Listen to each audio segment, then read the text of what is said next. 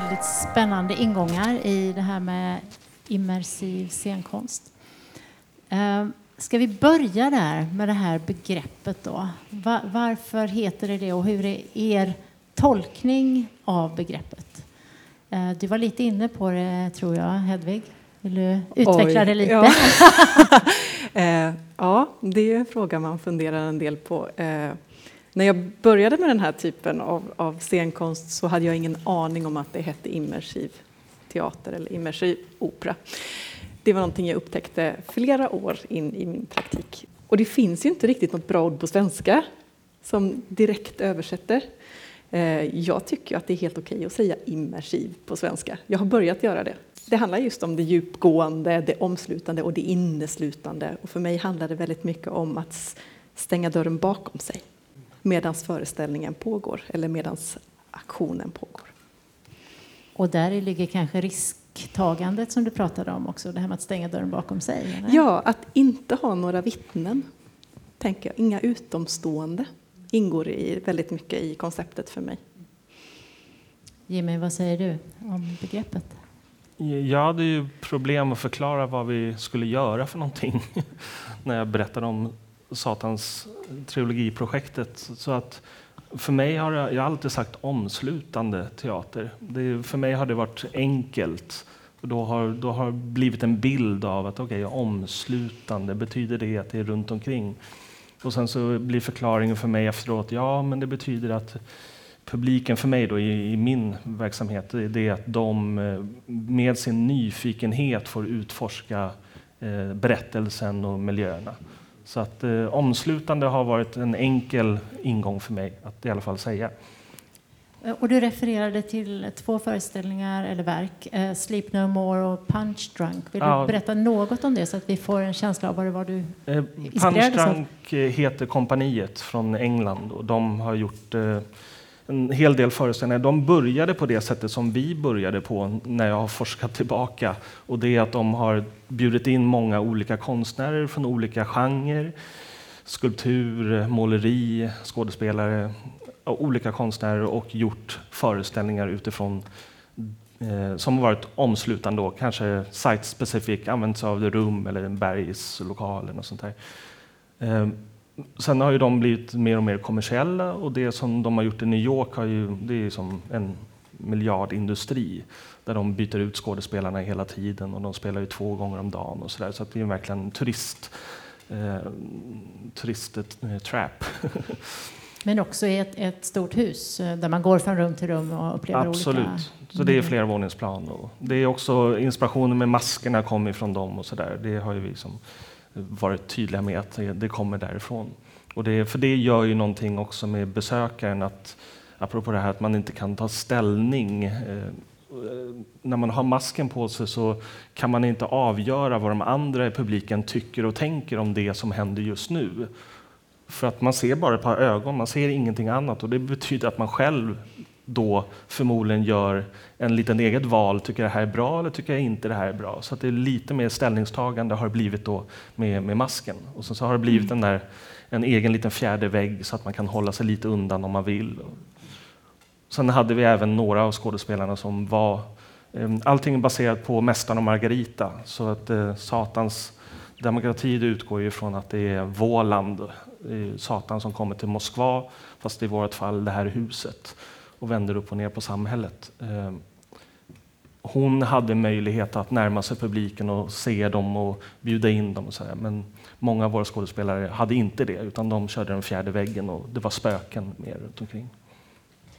Um, på danska, vad heter det då? Immersive, immersive theater eller immersive? Jamen, där heter det nedsänkelse. Nedsänkelse. Mm -hmm. Som är dig deep. Jag kommer inte ihåg vad Robert Lyons sa. Men, ja. That's really so, sort of to, it's like an, an immersion, like. Mm. Yeah. So it's not, it's not um, seclusion. No. It's uh, submersion. Yeah, submersion mm. that we that we translate it with. Det är väldigt olika tonaliteter i de orden. Det omslutande mm -hmm. kan ju vara ganska skönt och vackert och, och den danska tolkningen låter lite läskig. I, I think for me that, that um, in a way immersion is for instance, when I, if I talk about immersive dramaturgy, it's it's basic. It's it's that it can be like which states of mind is the audience immersed into. So so it's it's it's a matter of maybe going from an, this mode of being that you're in in everyday life, and then getting immersed into another mode of being. So it's it's and it, that can happen with very little scenography. Um, it can be the washing of hands, or it can be it can be closing your eyes and altering your state. That's to me that's where the immersive lies. Spännande. Vi var ju inne, flera av er har, har Eh, pratat om och funderat över det här etiska dilemmat. Att, att eh, vi är så vana vid scen och salong. Det kan finnas etiska dilemman i det också. Men, men detta är ett ansvarstagande för publiken eller ett risktagande för både aktörer och publik. Vad, vad, vad tänker ni om det? Hedvig ser ut att vilja börja. Ska jag? ja, men jag tänker på det du sa Jimmy också när du presenterade att om svårigheterna i att presentera genren. För det upplever jag ur en etisk synpunkt är ett, ett problem när man bjuder in till den här typen av ny, en ny typ av verk som människor kanske inte är eh, beredda på. Eh, att det ligger väldigt mycket förväntningar i luften. Eh, och nämner jag ordet opera så hamnar väldigt många konventioner eh, direkt i, i huvudet eh, på oss, ofta. Eh, Konventioner som, som triggar beteenden, tänker jag ofta. Vi förväntar oss någonting av en opera. När vi hör att det är en opera så hör vi kanske inte riktigt att det är en, en, en spelbaserad, en immersiv opera. Eh, vilket gör att jag träffar många besökare som faktiskt drar sig ur spelsituationen ibland. Jag har haft folk som har gått eh, för att de faktiskt blir så pass eh, överraskade över att det inte är den vanliga situationen trots all information som utgår. Så att för min del handlar ett etiskt dilemma om att vara tydlig i förväg och att inte behöva avbryta en, en spelsituation för att bli tydlig i stunden, men att förbereda på rätt sätt med vad man kan förvänta sig. Har du exempel på det här när det, när det har gått fel? Eh, jag har ju haft en del kontakt i och med mitt forskningsprojekt med besökare i efterhand som jag har gjort intervjuer med. Eh, och jobbar man med grupper så märker vi ofta att det som hämmar aktion är när en del av besökarna väljer att avstå. När en del av besökarna väldigt tydligt agerar publik åt andra besökare. Då hamnar de agerande besökare i en situation som de inte är beredda på. Däremot att hamna som agerande besökare tillsammans med en artist som understödjer agerandet är en annan sak. Men när du får besökare som agerar konventionell publik i situationerna så stannar det. Just för att den här, det här iakttagandet, det oförberedda iakttagandet som inte är avtalat, det blir ett etiskt dilemma. Och då tänker jag på er som eh, aktörer då. Eh, hur redo är ni att improvisera i en sån situation? Bryter ni eller, eller gör ni det i roll? Ser till att alla känner sig bekväma igen eller att några går ut? Eller hur hanterar man det? Vi har aldrig brutit roll. Eh, vi har aldrig brutit spelet. Eh, däremot kan man ju understödja att den som kanske inte sjunger, för sången hämmar oss från att just kunna improvisera och agera om vi är i en solistsituation till exempel. Ehm, men oftast arbetar vi med en så pass stor ensemble att den andra kan gå in och agera om man ser någonting. Fungerar inte alltid, men vi lär oss produktion för produktion hur vi ska göra. Inga, vad, vad, vad, vad, tycker du, vad tänker du om det här? Du har ju varit inne på det i din presentation. Eh, bland annat att du är förvånad att ingen säger nej. Ingen eh, försöker ens obstruera. Vad, vad, vad, tänker du om det? Vill du utveckla den tanken om att du är förvånad? Um, shall I stay in English? Yeah. yeah. Is it yeah. okay in English? Yeah. Yes. Mm. Okay. So I, uh, with, with one piece called The Velvet State, that I was uh, this framing of the art zone in, in, uh, at the Roskilde Festival in 2013, something, I think.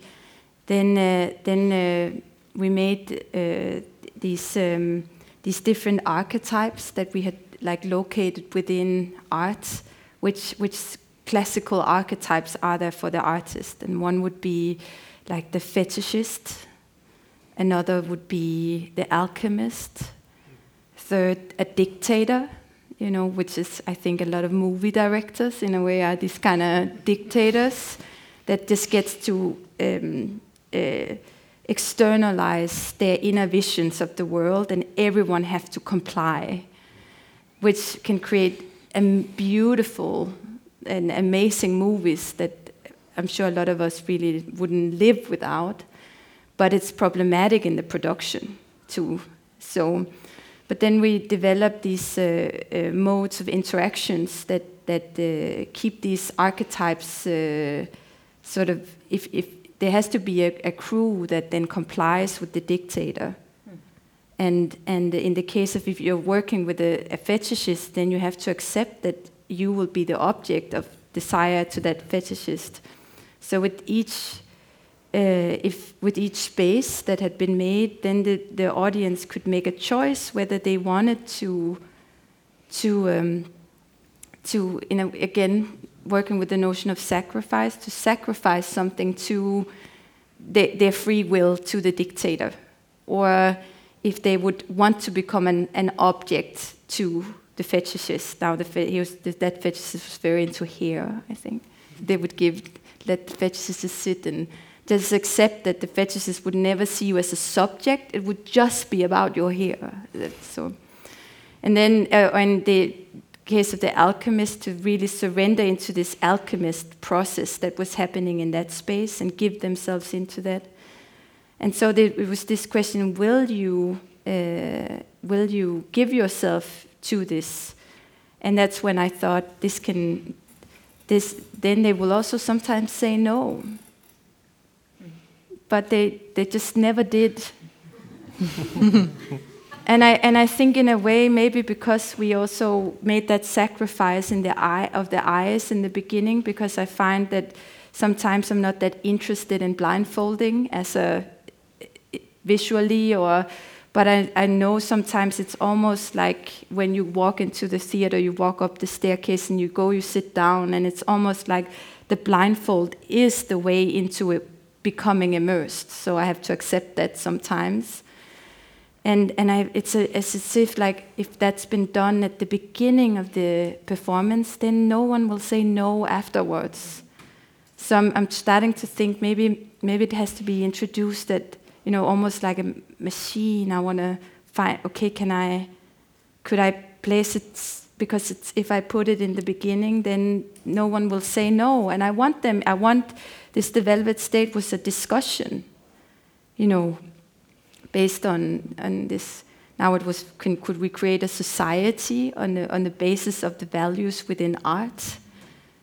So you were actually hoping that they would uh, disobey or, or, or, not be so polite. You were hoping to to establish a kind of critical discourse within this yes, uh, but performance. even the, and the, the, critics they they really liked you know they they they were very happy, but they they that was also just very much like, oh, I get immersed and I'm taking part of it, and all of a sudden I'm sitting with this alchemist and we're deep into, and they go get so into this subjective experience that, in a way, they also don't really relate to the overall conceptual framework that. And I was happy for the good critique, but I was also a, a bit frustrated that I that even the critics get so into their own senses and that they just don't. And what about young people? I mean, would it be possible to do the things you did uh, with young people? Would they react or act differently from what you experienced?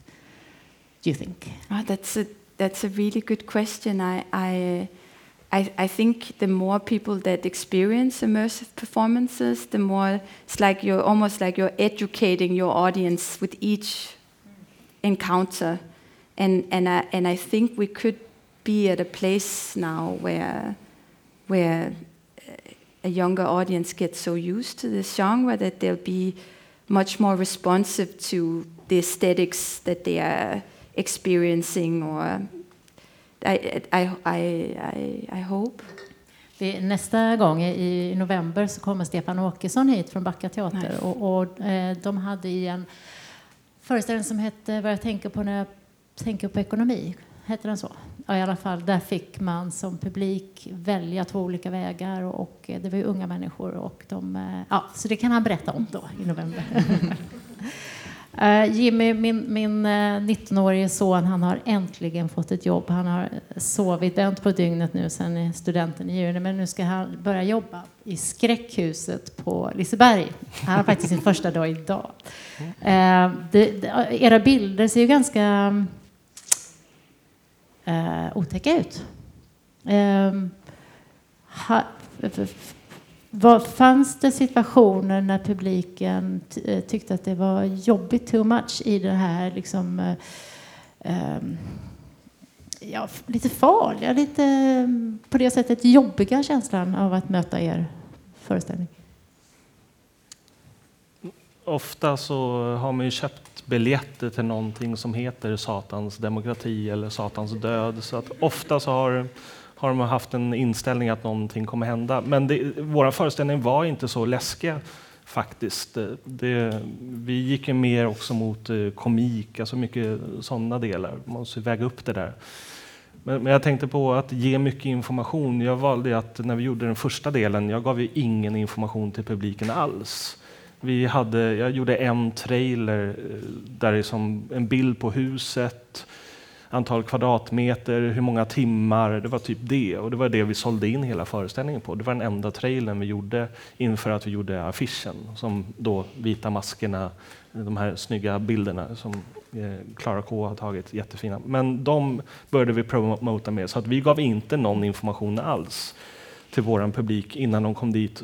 För vi lärde oss också under tiden som vi gjorde projektet, för vi visste inte hur publiken skulle reagera. Så att, eh, men vi hade ganska många regler ändå. Alltså vi, vi hade ju, första året så var de ju 56 stycken skådespelare som delade på 23 roller. Och vi hade som klara, tydliga Eh, gränser för vad, när man kan lämna rummet, när, när man känner sig obekväm, vart är de liksom safe-ställena, vart är teknikerna som alltid befinner sig på plats. Det måste alltid vara tre personer på varje våningsplan som har svarta masker på sig, som håller lite koll. Så att vi, vi hade, som sen byttes av och sådär, men det, vi, vi hade sådana regler för alla att känna sig säkra. Det gäller skådespelarna då. Publiken hade vi inte på samma sätt regler. Det var också svårt att tolka dem. Men vi lärde oss det ganska snart. Det fanns, nu tillbaka till skådespelarna igen, vad de kände sig rädda för. Men när vi gjorde den första delen, bara de satte på sig capuchon, eh, vad heter det, eh, luvan på sin munktröja så blev det otroligt obehagligt. Vit mask och en huva på, det visste inte vi om. Någon som rörde sig väldigt snabbt, det var också väldigt läskigt. Det var direkt upp med, okej, okay, vart är personen någonstans? Okej, okay, vi, ja, våningsplan två, okej, okay, vi kommer dit. Alltså, hela tiden, vi hade ju känn på hur folk betedde sig.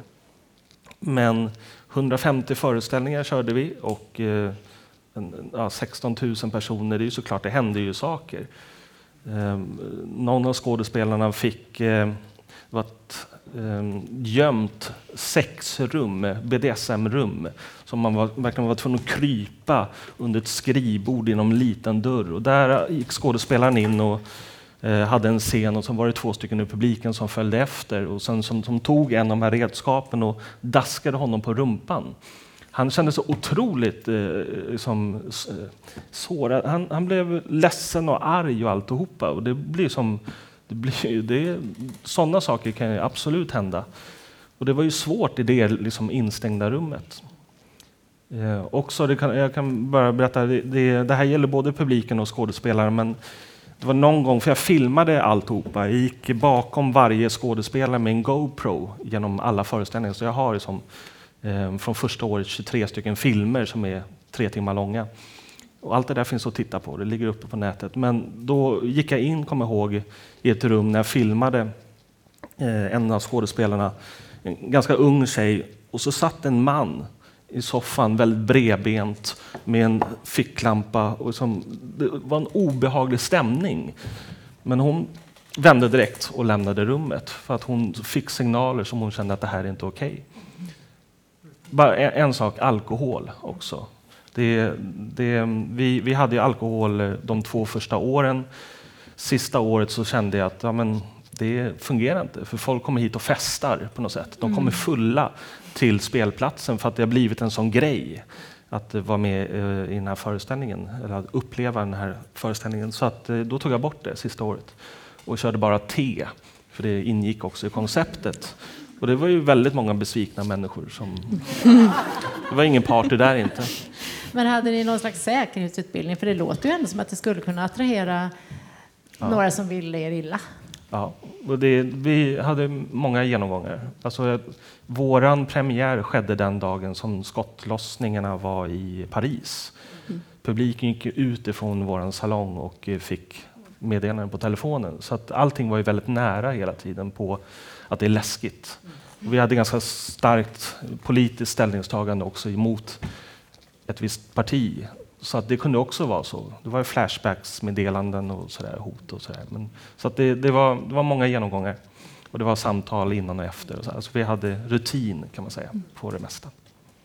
Men då är vi nästan inne på den här frågan om, om, om eh, arbetsprocessen. Alltså, eh, många som sitter här är ju eh, scenkonstnärer på olika sätt och, och, och, kanske mest vana vid scen och salong. Men, men, och den arbetsprocessen är vi många som känner till väldigt väl. Men eh, hur har era respektive processer sett ut uh, in, in, in conceptualizing what you wanted to achieve? How, how did you come about that?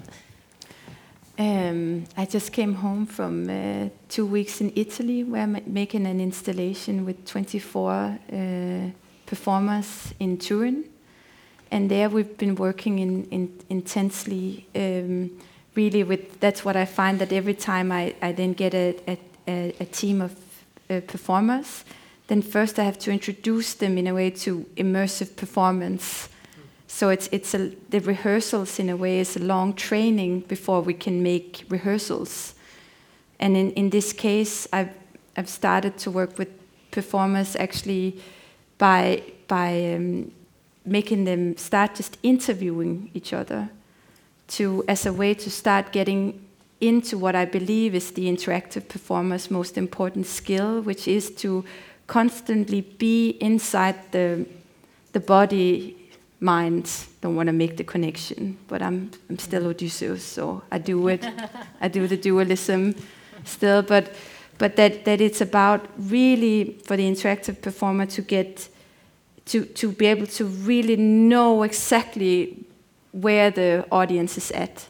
And so much that you can even start that that becomes your your art that you can somehow steer their gaze or you can know like now i'm activating a very sensuous mode of being, or but it's it's having 70% of your awareness in the audience and then just 30% checking into yourself.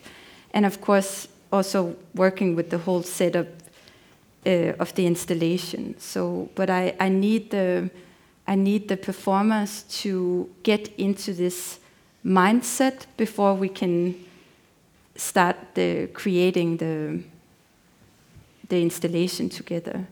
So it's it's a it's somehow like always a yeah it's always a training before it becomes. Uh, yeah. Is it even training with uh, um, reference audiences? I mean, do you bring in uh, audiences earlier or participants? I don't know. Do you call it audience or do you call it participants? I don't. I, I, I, don't know. I, I, I shift in between. Uh, but it, we, we end up often calling them participants. And um, and um, no, I, I uh, sorry, what was the yeah, question? The question was, do you, do you, bring them in to the process earlier than you would have in, in, a, in a different uh, setting? In the best case scenario, I, there is uh, periods where audience come in because the piece doesn't exist before the audience is there. That's that's the premise. It's you, and you don't even you don't even know your own performance without actually also I make uh, interviews, also both in performance, sometimes after, to get to know my, my own work because it, the work, the piece happens in the audience. So it's it's terrifying sometimes before premiere if, if we haven't, if, especially when it's site specific and you only have that space. Now it's a museum with an archive of, Ital- of Italian resistance movement, and we can only have the space for that little time. So there's not a lot of time for a general rehearsal. So sometimes it's it, it actually the, it's a lot of times it's been that the first time they encounter an audience is when when the premiere happens. Yeah. What about you, Hedvig? Hur, hur ser processen ut? Um, om jag jämför med hur jag arbetade tidigare i min roll som klassisk operasångare så, så kommer man ju in som sångare i ett väldigt sent skede av en, eh, av en produktion och musiken har kanske funnits och texten har funnits i kanske hundratals år. Eh, och produktionen har funnits mycket längre än, än jag har varit i den. Eh, och på något sätt så finns där en, en startpunkt i själva kompositionen i ett traditionellt operaverk. I ett immersivt operaverk eh, som vi gör så startar vi nästan alltid med platsen. Eh, det är där vi hämtar inspirationen, vilken kanske inte är den exakta platsen men en typ av plats. Eh, och, och, och, texten och musiken kommer i ett långt, långt senare skede och efter det att själva verket finns på pappret eh, så har vi en väldigt kort så att säga repperiod. Jag vet inte om vi ska... Jo, vi, vi kallar det repperiod. fast det är mycket av en testperiod. Eh, vi, arbetar inte, vi arbetar allt mindre med regi eh, i början när vi startade och göra våra saker så hade vi en ganska traditionell laguppställning hämtad från Operahusoperan. Den går vi ifrån allt mer och mer. Och i den operan som vi nu ska göra, vårt kommande projekt, så har vi i princip utraderat regissörens roll och bytt emot någon slags spelledare. Precis, eh, det är jag som är utraderad. Jag har utraderat mig själv. Eh, och istället så jobbar vi bara med regler.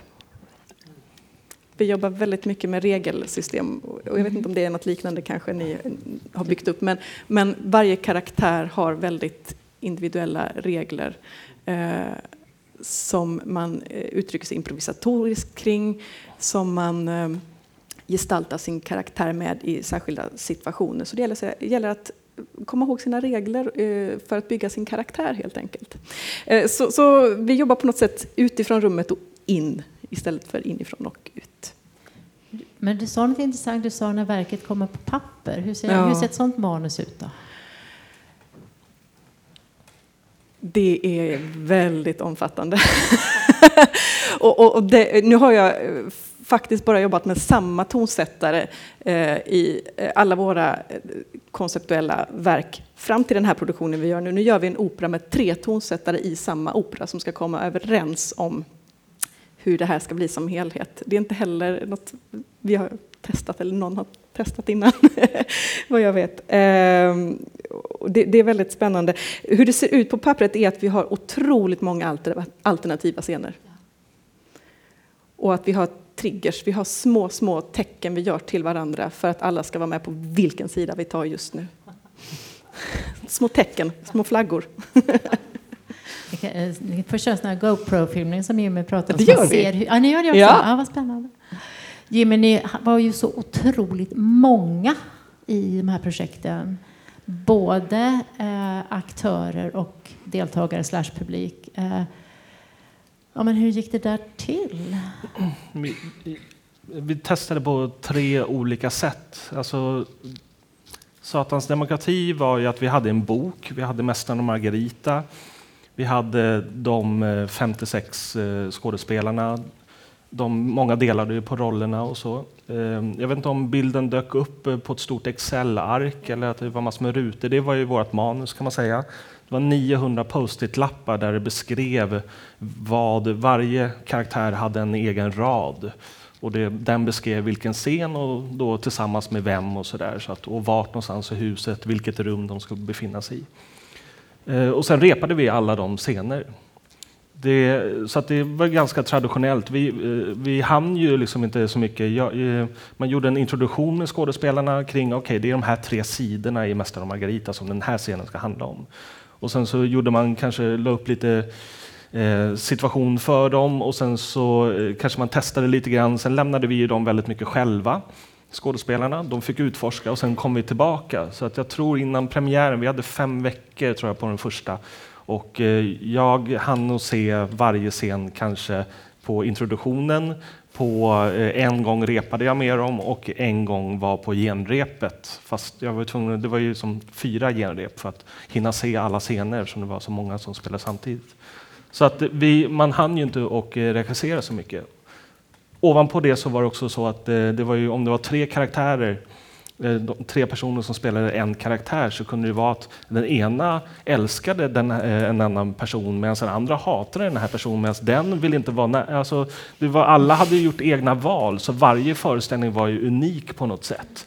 De visste vad scenerna skulle handla om men de gjorde ganska mycket val ut, själva utifrån karaktären och karaktären ur boken vem det var. Så det var inte bara publiken som avgjorde situationen utan även eh, någon slags improvisation mellan aktörerna? Ja, ja det, alltså, det var inte en, så mycket... I, I del ett så var det inte publiken som avgjorde vad som hände utan de hade sina scheman som de gick utifrån och de hörde på musiken, okej, okay, nu är det dags för mig att gå till det rummet när de kom in i det rummet så gick det från ambiensljud till att bli en spelscensmusik och då hade de fem minuter eller tio minuter i det rummet. Och när den var klar så visste de, okej, okay, nu ska jag gå till det rummet där borta.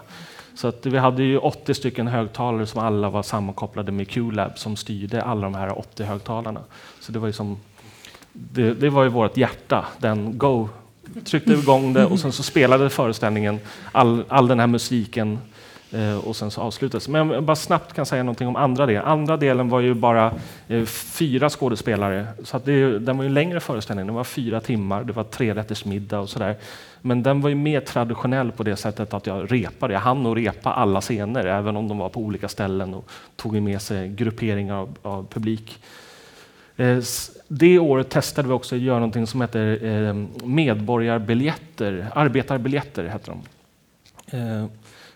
Priset gick upp jättemycket del två eftersom vi inte hade. Jag hann inte söka något bidrag så att eh, de kostade ju 780 kronor styck. Eh, och det stängde ute en viss eh, grupp publik, en ganska stor grupp.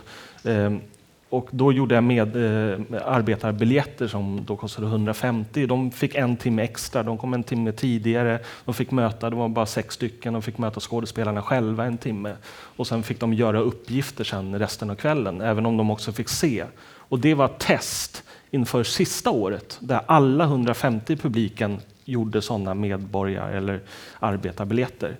Där hade vi bara en skådespelare på plats eh, i det här stora huset.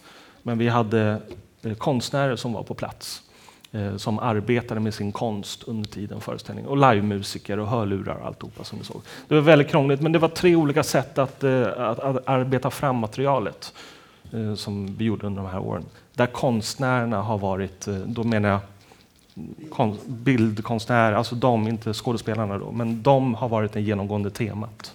Och de fick mer plats sista året i Satans död. Du slog även i bordet när, när Hedvig sa att hon hade raderat bort regissören. Men jag tycker det låter som att, att i ert fall var det mer en slags mastermind än regissör. Alltså hur, var ja. du både producent och dirigent och regissör och marknadsförare? Marknadsförare. Och ja. Jo. Nej, men vi, var, vi var bara fyra stycken i det konstnärliga teamet som jobbade mycket. Liksom. Och där hade jag de, alla de rollerna plus ganska många fler. Men det var liksom, även om det är mycket pengar vi hade att röra oss med så är det stora utgifter jag kan säga det första vi köpte det var en buss, en så här lastbuss eh, för att kunna tömma hela blocket på Bortskänkes. Det gjorde jag en hel sommar varje dag. Åkte runt till dödsbon och eh, tack så mycket och så fick jag en soffa. För det, det var ett tomt hus som vi skulle fylla. Mm. Så det, det, var vårt största och första inköp. Det var en, det var en buss, lastbuss. Och sen skulle de iväg igen efter fjärde. Oh. Nej, vi tar inte det. 210 000 kostar det att tömma huset.